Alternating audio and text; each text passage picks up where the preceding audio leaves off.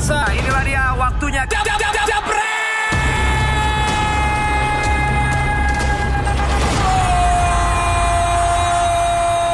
ngomongin Liverpool, Ya. Secara skenario kan 4 pertandingan lagi di Crystal Palace dia bakal menang asalkan City nggak kesandung lagi kan. Sebelum kita ngebahas sampai situ, menurut Mas Haryo dengan komposisi ini masih perlu nggak sih nurunin full squadnya terus selama 4 pertandingan ke depan? Mengingat ada Liga Champions juga. Liga Championnya ya untungnya mereka main home ya. Kalau gua ngelihat gayanya atau apa trennya eh, Jurgen Klopp, dia memang biasa mastiin dulu nih apa gitu. Kalau memang lepas dia lepas, tapi kalau enggak dia akan optimal di setiap pertandingannya. Dia penuh kalkulasi, walaupun skuad inti yang hendak dia turunkan, cuman mungkin aja di tengahnya ada pergantian atau di depannya juga ada pergantian. Ada beberapa komposisi yang biasa dia ganti-ganti. Cuman uju- ujung-ujungnya jelas dia meraih kemenangan. Sedini mungkin kemenangan itu bisa dipetik karena ujung-ujungnya kan secara tidak langsung tercipta rekor juga kan Ji? Ya, Ini rekornya gila-gilaan ya, rekor apa udah nyamain City berapa sel lagi sama Arsenal untuk unbeaten nih? Oh kalau Arsenal sih cukup panjang ya. Masih panjang ya? Lima- 52. Pak, Kalau kalau Arsenal yang 49. lim- bukannya 52 Arsenal. 49 unbeaten ya. Ke masih- 50 kalah sama MU. Berarti masih Kalau lama dari ya. yang tapi yang dari dua musim ya. Iya. Tapi dua musim Iya, ya. ini dari Baru di musim kedua akhir ya. musim sebelumnya plus musim itu. Yang gue ingat sih 49. Bisa kita lihat ya. Ya, dia 4 Oh, empat, pertandingan oh, lagi. empat, empat pertandingan lagi dia ngalahin Arsenal rekor unbeaten berarti ya. Luar biasa banget ini. Nah ini. Bahkan sekarang jumlah kemenangannya udah sama nih. Ya udah ngelewatin ketika Arsenal juara. Oh iya, gitu. iya, Iya, iya kalau hitung jumlah kalau kemenangan. kemenangannya. Terus yang mungkin kalau yang hendak dikejar Klopp untuk gengsinya melawan Guardiola 100 poin kan? 100 poin tuh udah diagung-agungkan banget kan? Centurionnya Yoi, City kan? City. 100 Dan di sepak bola 100 modern kan poin. itu bukan hal yang gampang. Iya betul. Nggak nggak banyak ya. Barcelona Madrid Iya. City salah satunya. 11 pertandingan kan masih banyak Ji. Masih masih, banyak. ada 33 poin yang ditawarkan sementara yang dibutuhkan kan kalau 79 berarti cuma 21 ya Yang seru kalau dia menang terus tuh bisa guard of honor di City tuh. Ya kalau mereka menang lawan Crystal Palace kan itu Iya, hitungannya ya. Itu guard- Anggaplah mereka terus menang. tuh. Dan itu bisa Semen- jadi tamparan sama si Pep ya. Sementara City juga terus menang, artinya City kalah kalahin aja lah sama MU biar juga ntar sama MU kalah biar nggak juaranya di City. Juaranya di Bisa- bisa lebih cepet bisa- kan? Juaranya bisa di Everton. Everton kan? Kalau kuncinya sih Everton. menurut gua di Everton sih. Ya jadi nggak usah malu City kalah kalahin aja termasuk lawan MU City-nya kan ntar. Everton dia biar walaupun juara. tim derby ya tajuknya lawan Everton cuman Iya. kan kelasnya jauh lah ya. Ja- Cuma kan Everton dipegang Ancelotti kan juga lumayan jauh lebih bagus Iya, mas kan jauh gitu. jauh membaik, Iya, tetap jauh membaik berbahaya. gitu ya. Ya, derby Kemarin sama Arsenal juga kalah kan dia mainnya bagus kalau Iya. menurut gua. Sekarang ini kira-kira Mas, apakah memang benar kan ada yang bilang sebenarnya prioritasnya liga, liga doang nih dibandingin Champions ataupun ngerebut treble sama piala cikinya. Tapi kalau ngeliat sekarang dengan komposisi yang sekarang juga record breaker dan juga sekarang kayaknya unbeaten, treble sebenarnya nggak masalah kan? Maksudnya Iya. bisa Ya, juga kan ya, sebenarnya. ma- makanya kuncinya itu empat pertandingan ini. Begitu dia dia ma- udah ngamanin ini, gua rasa dia udah nggak peduli lagi tuh rekor-rekor yang lain. penting Udahlah, dia, dia dia fokus ke langsung beralih ke champion sama Piala FA. Gua rasa itu yang yang lebih realistis ya. Ya. Maksudnya ya Piala apa Liga. Karabau terus juga Pemain Liga muda, FA, itu aja masih lolos. Pemain muda ternyata Piala tetap FA, ngotot Piala gitu kan walaupun walaupun apa dengan pemain yang mayoritas seluruhnya bahkan pemain-pemain muda. Eh, si Trent bilang katanya Klopp ngasih kebebasan ke semua pemainnya jadi nggak harus bermain pakem di posisinya itu maksudnya apa sih? Kan Iya. memang sebenarnya posisinya ya gitu-gitu aja kan? Ya kalau Tren melihat mimpi mungkin dia pikir Klopp Yunus Michel kali ya mas ya benar nggak yang dikasih kebebasan itu kan polanya total football kan Iya, yang permutasi pemain lu tuh yang sangat cair Iya, Pak. kan gitu Cuman kan kalau biasanya itu kan pemain yang di tengah ya, pemain yang di tengah yang biasa kebebasannya tuh luar biasa gitu. Dia bisa kiri, kanan, depan, belakang gitu. Cuman kalau tren kan emang di pinggir banget nih Iya. kita bicara pemain wingback. Makanya orang komparasinya ke Dani Alves ketika eh, dia Lagi di Barcelona gacor-gacornya lagi di gacor-gacornya di Barcelona.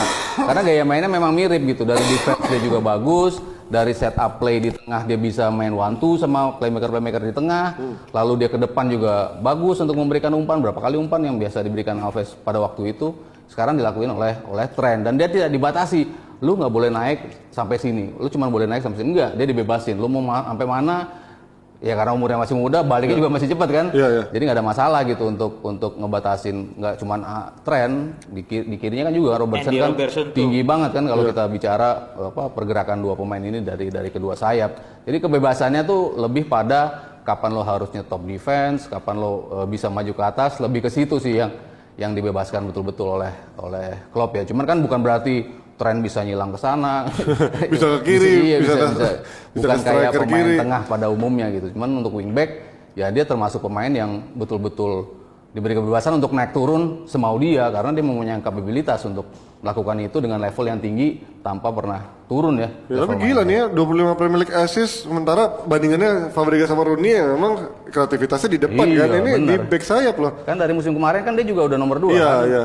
Dia udah nomor dua, Robertson satu assist di bawah dia. Emang harus diakui dua apa dua wingback ini menjadi eh, serangan Liverpool yang apa kanal serangan Itu mereka. yang sering gue bilang kan, bener nggak?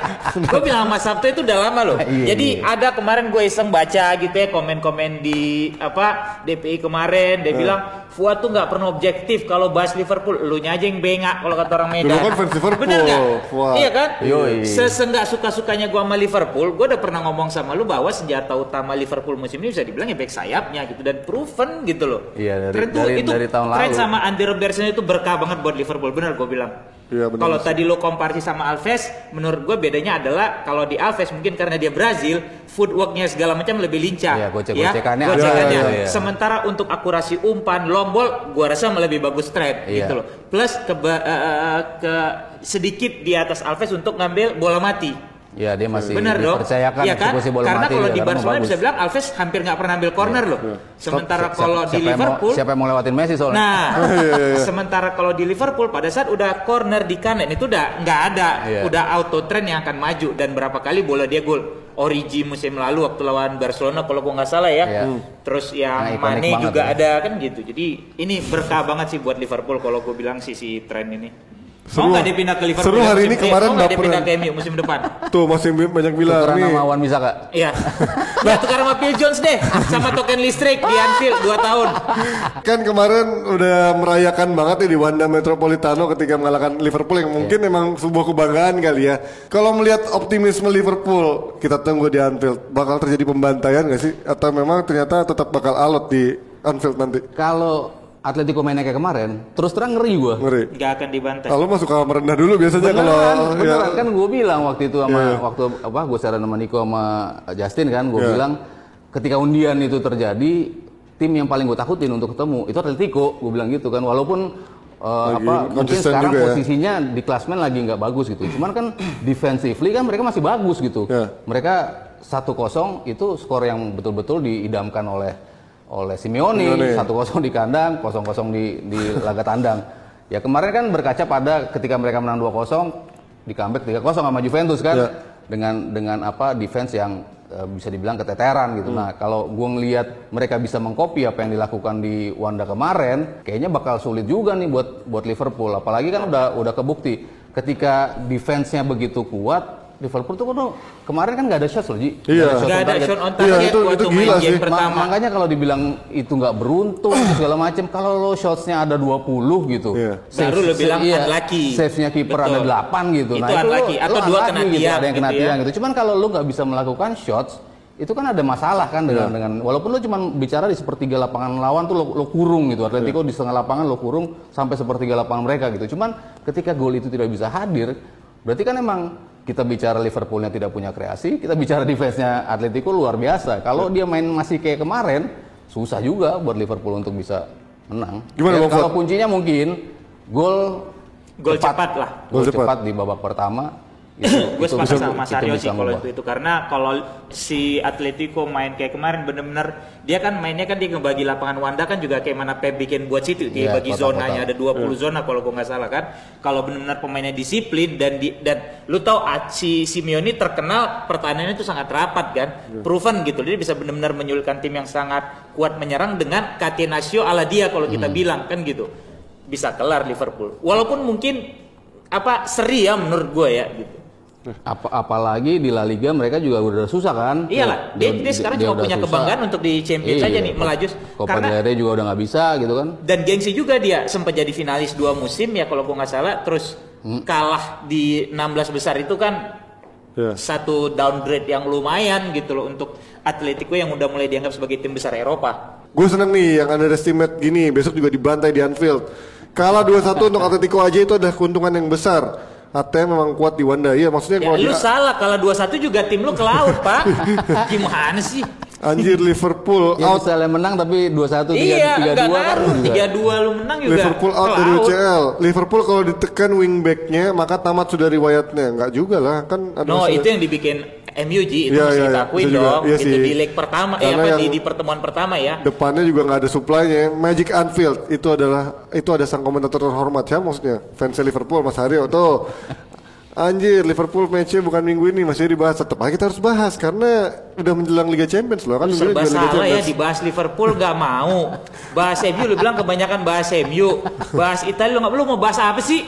Atletico bukan dikurung tapi sengaja numpuk tembok di belakang. Nah, emang game ini gitu iya, kan Mas iya, bener ya. iya. Emang game ini begitu. Ayo maju, ayo maju. iya. Menang LFC 3-1. mancing gitu kan. Kita lanjut lagi ya ngebahas UCL dari Napoli lawan Barca. Kalau kemarin kalau katanya sebelum Napoli Barca sama pilih Napoli Barca apa Chelsea Munchen dulu?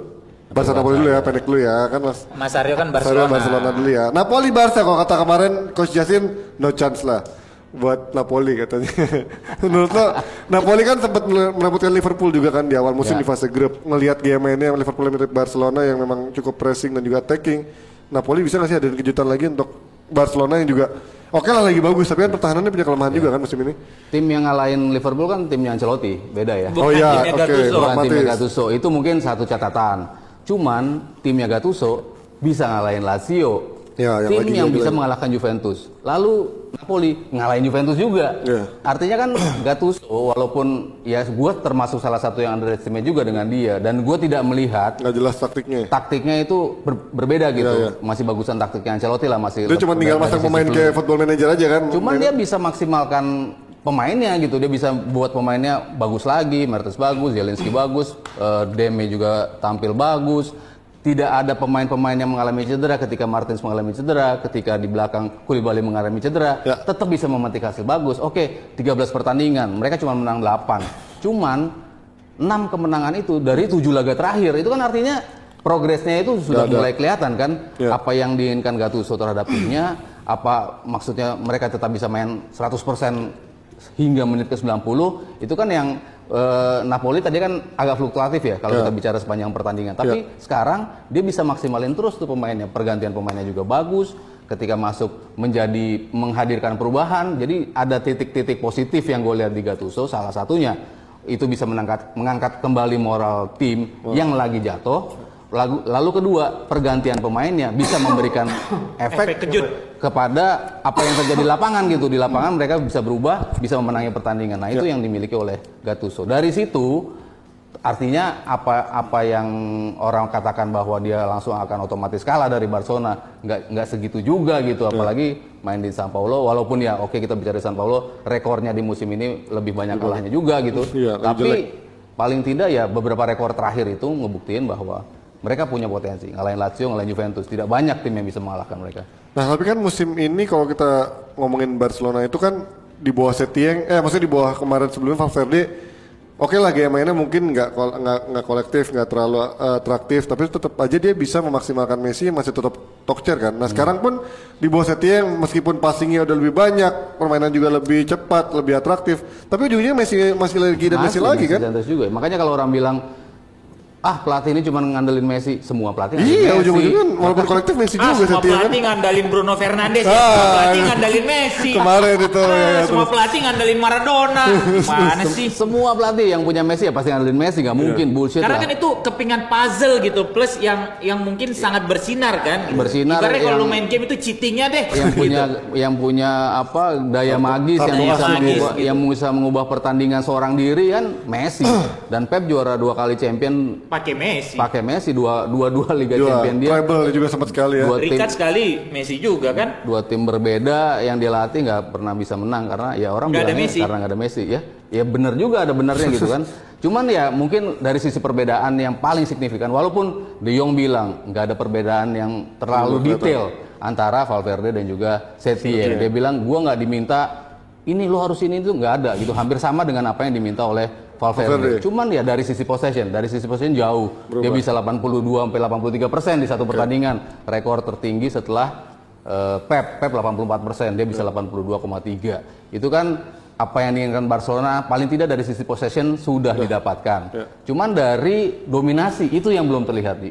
dari kalau kita bicara kemenangan-kemenangan bahkan mereka juga sempat kalah juga kan sama Valencia. Terus kemenangan-kemenangannya 2-1, yang besar-besar kan satu Baru lawan kemarin, satu memang. lawan Leganes sama kemarin Iya. lawan lawan Eibar. Eibar. Cuman kalau gua sebagai eh, fans. Barcelona gitu ya, gua ngelihat sih ada ya titik terang dari permainan Barcelona kemarin lawan Eibar. Ketika Messi tuh sekarang agak sedikit mundur ke belakang nih. Ya. Kan kita bicara Barcelona kan nggak punya pemain kreatif ya. Ya. Mau ngandelin De Jong nggak bisa, mau ngandelin Enggak kata juga tapi bisa. De Jong kreatif. Enggak lah. Eh sorry mas, gue potong. Ini sama kayak waktu dia masih punya David Silva nggak sih yang Messi agak mundur sedikit?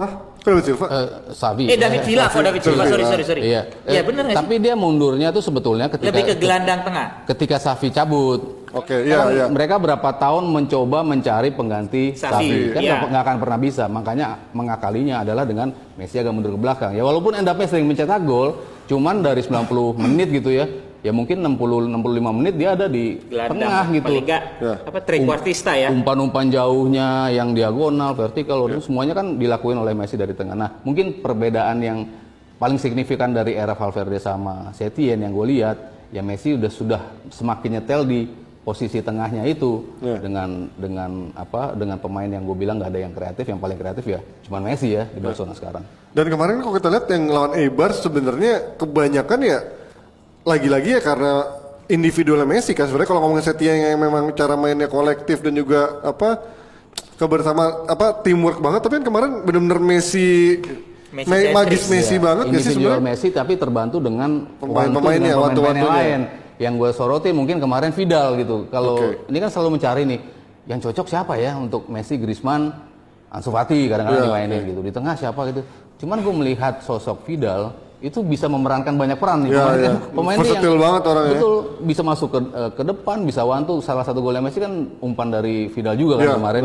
Mungkin di tengah yang paling cocok ya mungkin dengan baliknya Arthur udah mulai bagus mainnya lagi ya Arthur De Jong sama Busquets. Cuman di teng di depannya Messi, Griezmann sama Vidal gue lebih melihat itu sebagai komposisi yang bisa semakin membuat Messi balik lagi ke era-era sebelumnya di mana dia rajin mencetak gol, rajin mengirim assist. Nah, kalau dia sekarang ibaratnya juga ngotot-ngototan di Sao Paulo, terus nanti ditunggu sama El Clasico, gimana pembagiannya dengan skuad yang sekarang juga lagi ibaratnya sedikit comang-camping kedalamannya? Ya mau nggak mau ya, mau nggak mau. Bakal Ya, bakal tetap habis-habisan di Sao Paulo dia. tetap tetap main di Napoli ya mungkin pergantiannya ketika masuk menit 60 menit 70 ya pergantiannya baru di situ cuman kalau untuk start gue rasa ya itu tadi komposisi yang ya di depannya an- antara Fati atau Vidal cuman kalau dia butuh di tengah dia bisa berantem gitu dengan dengan pemain-pemain yang lain dengan lawan ya sih gue lebih memilih Vidal gitu Apalagi tapi ya Vidal kan pernah main Juve ya. Paling nggak dia dia sedikit tahu mengenal juga. gaya main Napoli kan gitu. Ya, gua itu lebih- kan bisa jadi nilai plusnya juga kan. Gua Terutama kalau gue khawatir Vidal. di lini belakangnya Barcelona malah kalau dia nggak rotasi mas. Iya Lengle, tapi kan mereka punya Umtiti juga Umtiti kan. yang sekarang Kalau lagi- lagi udah mulai bagus lagi, ya, kan waktu sempet turun.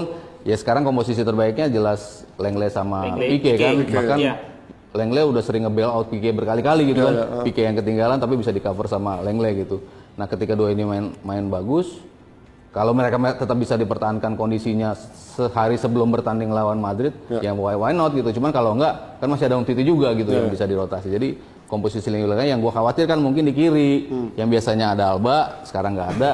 Ya Junior, Junior Firpo paling nggak kan yang yang bisa dimainin. Apakah dia bisa ambil konsisten di setiap pertandingan lawan Napoli dan juga lawan Madrid? Nah ini Itu yang yang belum teruji. belum teruji. Nah, ketika even udah ada Setien pun, kenapa Griezmann masih belum bisa juga tampil seperti Griezmann yang dulu lah ibaratnya? Udah lumayan lah Ji. Ya udah Jauh lumayan, lah. cuman beda lah sama dia dari Atletico tetap jauh lah. Baru ini gue ngeliat Mas Sabto ngebantal lu. Iya iya, apa dia sering ngebantah gue sebenarnya. Itu. agak agak ya sudah jauh membaik lah. Iya, membaik Maksudnya sih. dia sudah mulai terlibat dalam permainan. Kemarin-kemarin kan betul-betul yang lu umpan ke Griezmann gitu, umpan Iya. jauh ya Messi berapa kali asis ke Griezmann gitu. Dan asis-asisnya Messi yang jadi gol kan juga dalam beberapa pertandingan terakhir kan Iya. yang eh, Tapi kan juga itu kebantu karena juga Suarez sudah cedera dan juga Dembele udah nggak ada kan ibaratnya. Iya, ya, mau nggak mau ada kan Suarez sekarang- juga dia sekarang- digeser ke kiri. Sekarang posisinya dia kan mau nggak mau, Iya. gua bukan jadi pendatang yang dibutuhkan untuk menggantikan Neymar juga, Hmm. tapi gue sekarang gantiin Suarez nih, jadi Iya. golnya itu dibutuhin gitu, bukan hanya untuk keterlibatan dia dalam permainan Hmm. segitiga di depan, tapi dia untuk mencetak gol dan sejauh ini gue rasa dia mulai menunjukkan itu ya walaupun kalau kita bicara rate Hmm. ya jauh lah sama Atletico, cuman kalau dibandingkan dia datang sama sekarang Udah agak udah jauh jauh. Berarti jauh Setien lumayan lah ya bisa sedikit menambah add performance sama Griezmann dibanding eranya Valverde. Enggak juga. Enggak juga. ya. Oke kalau prediksi dulu deh singkat deh. Napoli Barcelona. Napoli Barcelona Iya. imbang ya Ji. Imbang. Ah, gimana sih? Kalau nggak yakin sih. Nanti di Kalau kata. Justin no chance even di kandangnya Napoli. Menangnya di Barcelona. Di kandangnya Barcelona dibantai baru ya ntar sama Barcelona Iya, ya. Bang Fuad gimana? Ada sih chance? berharap Napoli menang walau tipis ya. Iya, oke. Karena balik lagi kayaknya belakangan yang dilihat si Gattuso ini mulai bagus di man manajemen mas. Iya. Iya kan kayak tadi lu bahas kan dia bisa mulai mengoptimalkan pemain-pemainnya yang udah lama mendem nih kasarnya kan gitu. Iya, iya. Plus pada saat lu udah bisa ngalahin Juventus, lu udah bisa ngalahin Lazio, not tim yang notabene bisa dibilang beberapa yang terbaik di Italia saat Hmm. ini, lu bisa nyuntik itu kan pemain ke pemain-pemain lu gitu loh. Iya, peringkat satu peringkat dua loh ada itu yang lain. dihantam. Jadi kalau gue lihat sih mungkin gue sih berharap menang Napoli walaupun bisa jadi bolanya imbang.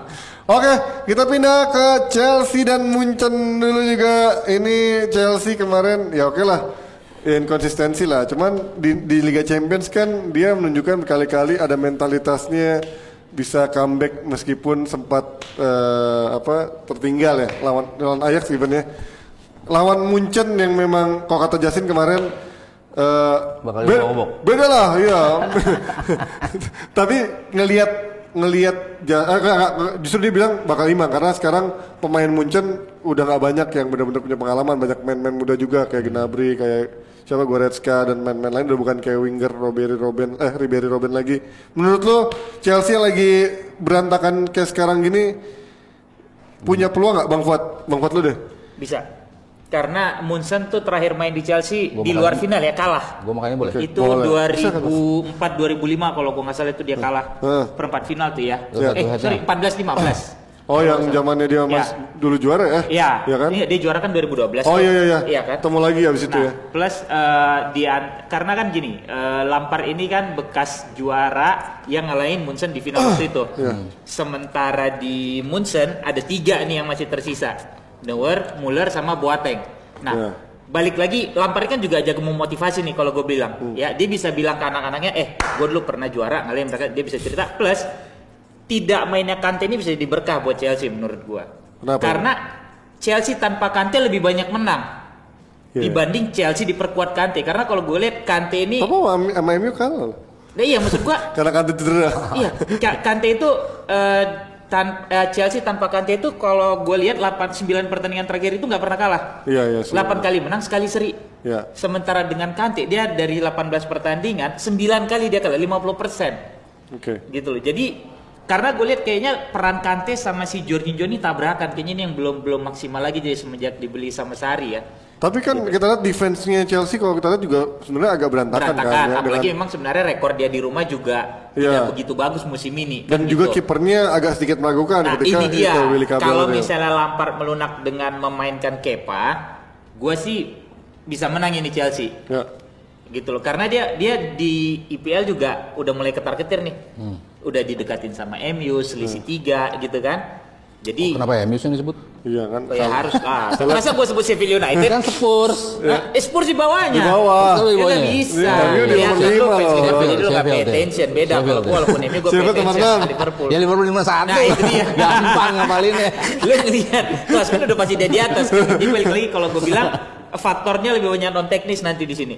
Mas Lewandowski yang udah begitu talk chair di Liga Champions maupun di Liga dan sekarang juga terus-terusan lagi on fire lawan Chelsea gini apa kan Chelsea belakangan kita lihat mainnya oke lah atraktif tapi naif banget naif banget kan ketika melawan tim-tim besar juga Iya, cuman kan beberapa hasil itu kan bisa menunjukkan tim ini punya potensi kejutan yang gede loh, Ji.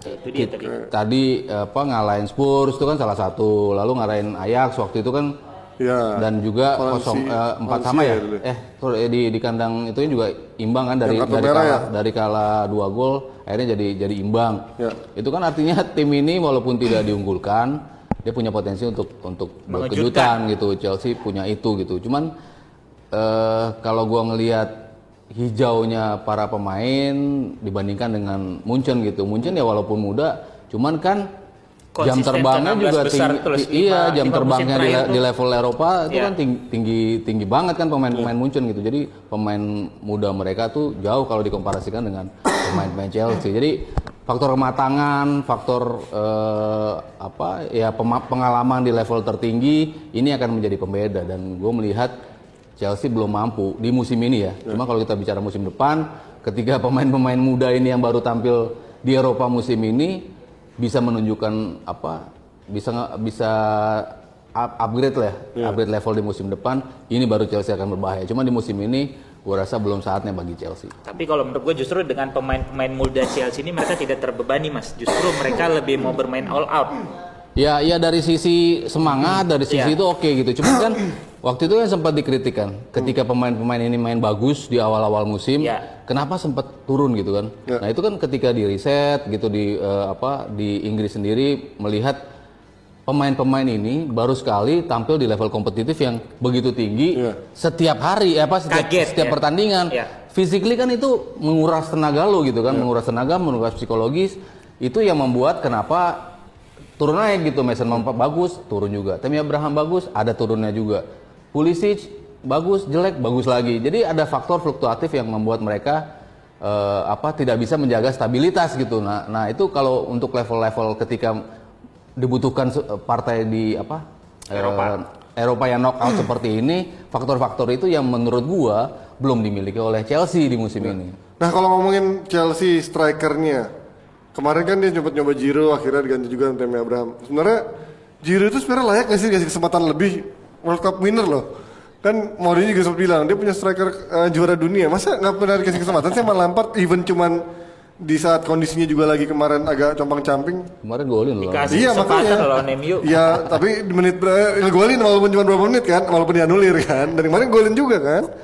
Ya kalau kalau nyetelnya kan mungkin dia dengan dengan Mount dengan Tammy Abraham itu kan lebih nyetel gitu kan. Mereka nggak butuh adjustment lagi untuk bisa ngejar skor. Ya mungkin salah satu penilaiannya adalah itu. Cuman kalau bicara kualitas Giro, gue bilang nih salah satu pemain yang jenius loh menurut gua gitu Jenius, ya. Dari sisi luar dari sisi permainan, bagaimana dia bisa Dia Lord menguasai gitu kotak kotak penalti lawan, dia bisa membelakai lawan tapi membuka ruang buat rekan-rekannya. Itu kan yang nggak gampang kan dilakukan. Iya. Walaupun dia cetak gol gitu, cuman peran dia, kehadiran dia di dalam kotak penalti lawan itu yang dibutuhkan. Nah, untuk Off the lawan ball dia Munchen, bagus. Iya, untuk butuh apa melawan Munchen, pemain-pemain seperti ini gua rasa akan punya pengaruh penting gitu. Nah, yang gue yang gue heran kan Munchen ini kan kemarin Niko Kovac dipecat walaupun dia juara liga.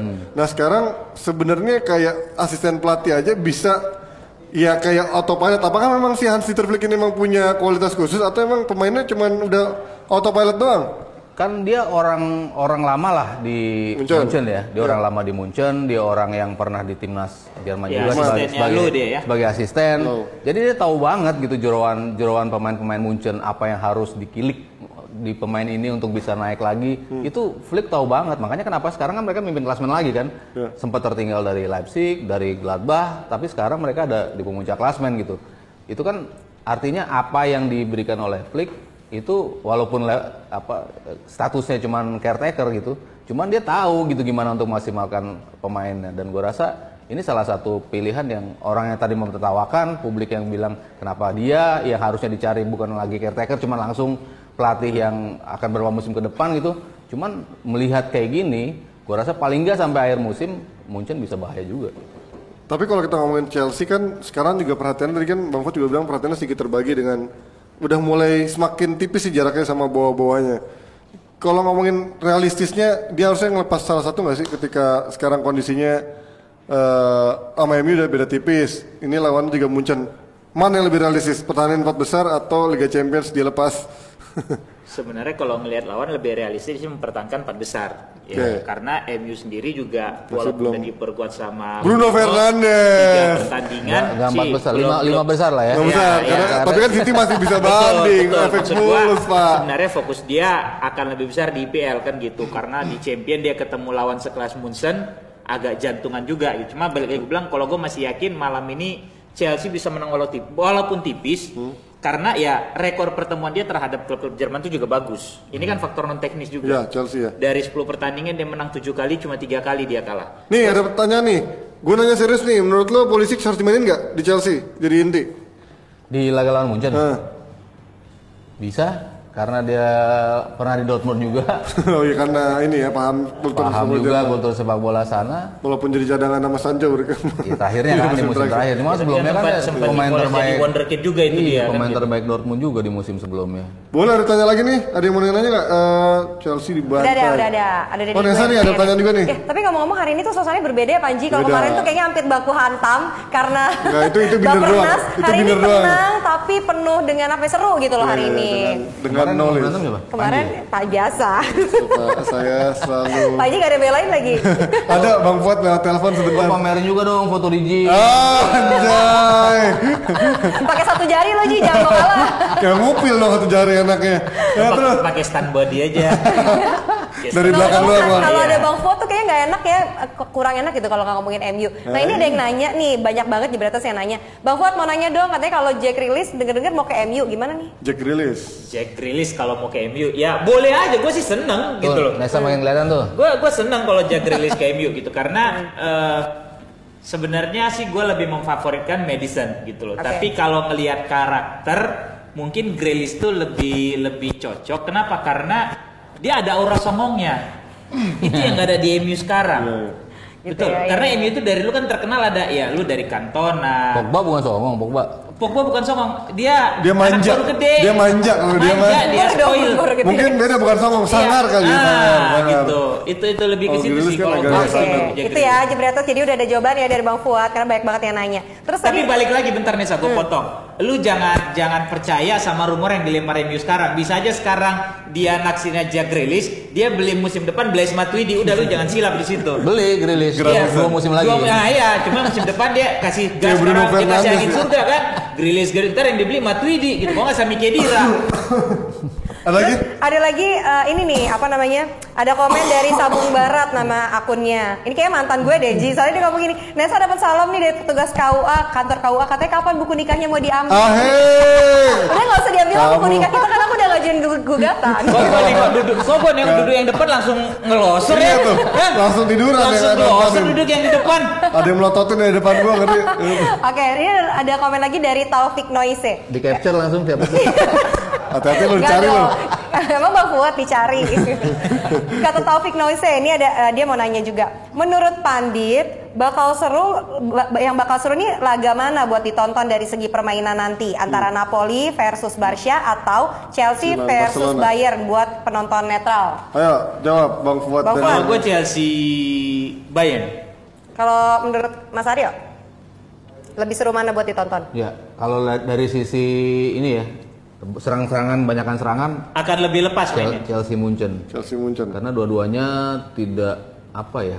Nggak ada main bertahan ya. Iya, persentase mereka untuk main bertahan gitu defensive Kecil. rollout tuh kecil gitu. Karena kalau Sementara Napoli kan paling nggak lu tahu kultur Ya, Italia. walaupun Napoli salah satu tim paling ofensif di Italia, Iya. cuman mereka menghadapi Barcelona lu bunuh diri cuma kata Justin ya kardus aja kalau lu bertahan balik lagi kan Iya, iya. jadi kalau diserang lu mesti nyerang balik juga gitu Iya. loh Terus kebobolan terus Nggak kebobolan biarin aja gitu Nggak paham mau sirkus sama main bola. Apa? Apa? Apa? Menurut mereka nggak nonton Argentina nih? 90 kali mas Gua lebih. iya benar kan Gue lebih seru. Iya. eh, Napoli Barcelona. Oke. Karena gue pengen tahu Barcelona kalah. Kalau bisa, maksudnya lebih seru itu.